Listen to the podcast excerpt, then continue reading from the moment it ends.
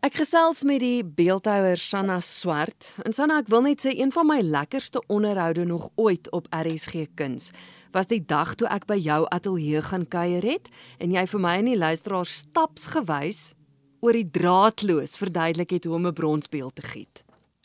Hallo Christel, jene, dit is al baie jare terug, seker ten minste wat 10, 15 jaar gelede, nê. Nee. Maklik, ek dink nie eers daai onderhoud is beskikbaar as potgooi op RSG nie, so ek moet hom dalk bietjie as 'n argiefonderhoud uitsaai.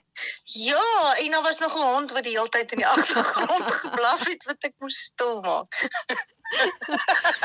Ai, Sanna. Tot baie water in die see geloop. Kom ons praat oor jou jou solo uitstalling wat tans te sien is by die Kunsvereniging van Pretoria. Waaroor gaan dit? Wel, die solo uitstalling gaan se tema die die die die die titel van die uitstalling noem ek um verspreiding of scattered.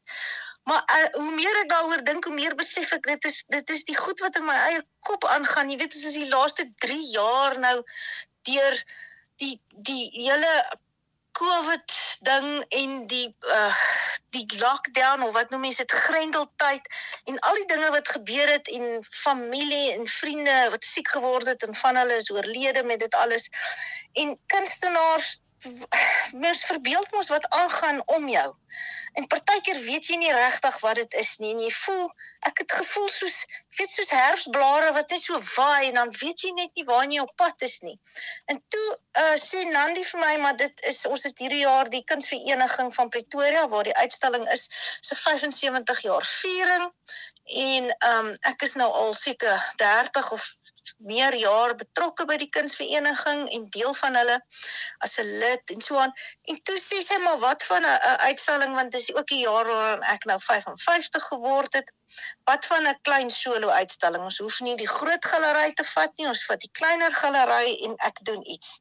En toe besluit ek dit is 'n goeie idee want in die 3 jaar se tyd het ons nie eintlik kans vir 2 jaar het ons die kans gehad om eintlik uit te stal nie en ons het werk geskep om aan die lewe te bly en die van die werke was kleiner en intiem en van daai werke het ek dan nou op hierdie uitstalling.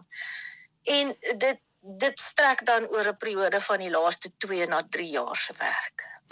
Jy werk steeds met metale, né? Ja, ek werk nog steeds hoofsaaklik in vlekvrye staal en ek werk ook in brons en in hierdie uitstalling het ek kom kombinasie van brons en vlekvrye staal uh op 'n heeltemal 'n nuwe vlak uh, benut. En dan is daar ook nog koper tussenin en hierdie keer het ek ook hout. So ek het al die dinge wat my interesseer en nog al die jare gefassineer het, inspireer het, die veld, klippe, hout, dryfhout, al daai goed het ek gegaan en ek het dit bymekaar gesit. So dan kan 'n mens amper as ware 'n 'n progressie sien van wat plaasvind is amper asof die uitstalling gaan oor 'n beskerming of 'n manier van waar gaan ons hulp vandaan kom. Dan kyk ons op na die sterre. Dan is daar beeltjies wat ek sterrekykers stargazers noem. En dan het ek werke wat ek noem my my skildreeks die skild soos 'n shield mm. van 'n van 'n warrior van van jou oorlog van en dan het ek werke wat ek noem behoeders. So dit dit, dit gaan alles oor daai ding van hoe gaan ons in ons behou hierdie gevoel van gefragmenteerdheid? En dan op die einde dan eindig dit met my laaste werke wat ek in die laaste paar maande gedoen het. En dit is 'n reeks van in die volksmond engele maar ek noem hulle eerder uh winged beings. Jy weet hulle is hulle is ge, hulle is gevleelde wesens mm. en hulle hulle lywe is in brons maar die vlerke is dan stainless steel wat ek gesny het. So hulle word wat ek noem die reeks se naam is die gossamer wing reeks. En gossamer is 'n woord wat beteken dun drade, amper soos 'n spinneweb drade. En dit het my geïnspireer om daai gevoel te skep van waar ons so 'n vasgeaardheid hier op soek is, maar eintlik op die einde van die dag gaan is dit die siel wat oorbly en opbeweeg. Mm. En dit het niks met 'n spesifieke religie te doen nie. Dit het dit doen met die spirituele soeke ook wat ons almal mee besig is. So ehm um, ek verbeel dit as ware visueel. So jy loop daarin en jy kry die gevoel van dis 'n klein kathedraal. As ek luister na die name sterrekyker, die engele wat jy nou van praat, is dit dan hoofsaaklik figure in aanhalingstekens? Net die engele is figuratief. Goed. Al die res is totaal en al abstrak, maar abstrak organies.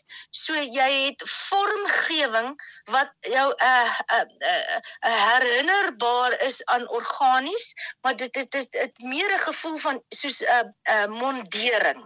Weet 'n uh, 'n mo, uh, uh, uh, mondering om jou te beskerm. So wanneer jy daar deurloop dan kan en jy eie in die werk en jy sien dit raak, dan besef jy maar O, dit is amper daai amper sulke so gevoel van skerp so spiespunte.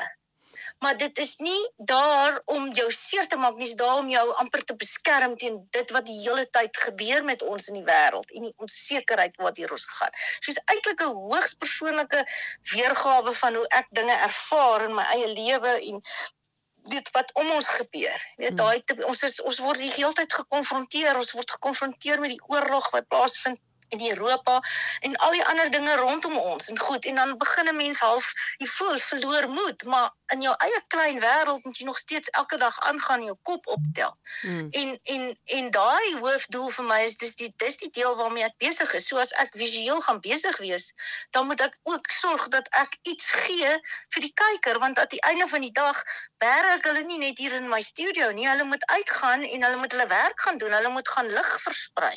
Ja. As ware. Ja, dis mooi.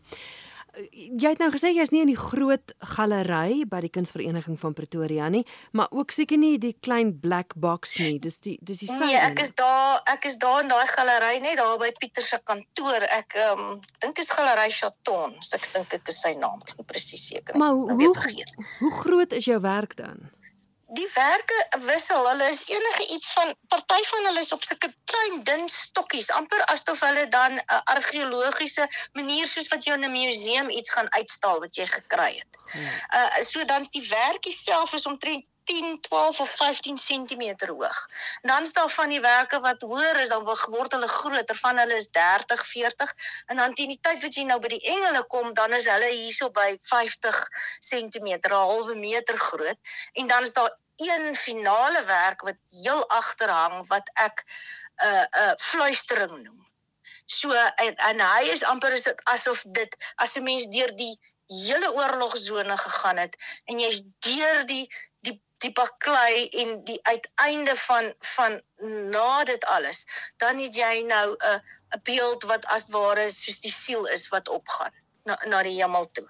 En dit alles saam word saamgegooi met musiek wat Christo Burger gekomponeer het.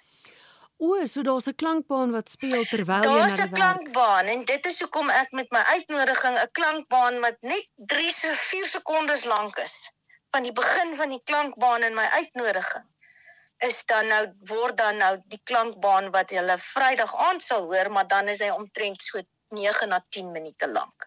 So ek het ek het as ware 'n hele happening wat plaasvind Vrydag aand, sodat jy jy weet deesdae is ons mos by die punt van jy kan nie net meer werk wys nie, jy moet nog jy moet showbiz ook doen. Met Liz Meyering het my geleer Sanna, you reinvent yourself all the time want mense moet Hulle moet jy moet hulle entertain. So as ons nou moet entertain, dan doen ons dit nou ordentlik Vrydag aand. Maar wat as jy nou nie by die happening kan wees nie? dat jy nie by die happening is nie, is die klankbaan nog steeds daar. So as jy arriveer, dan vra jy vir Pieter, kan jy asseblief vir my die musiek aansit en dan stap jy daardeur want dit is net 7 of 8 minute lank. En terwyl jy na die musiek luister, kyk jy dan na die werk. En die musiek ontsluit dan ook die visuele deel van dit. Want die musiek begin met daai aardse klanke en dan is dit die gevoel van 'n oorlog wat plaasvind. En dan uit dit uit, het jy dan die vrede wat in beweeg. En van daar af beweeg dit dan nou van aards na meer na na 'n misterieuse uh, hemelse gevoel, amper 'n empiriese ding. En dit is mos 'n tema wat ek nou al vir jare en jare al mee werk.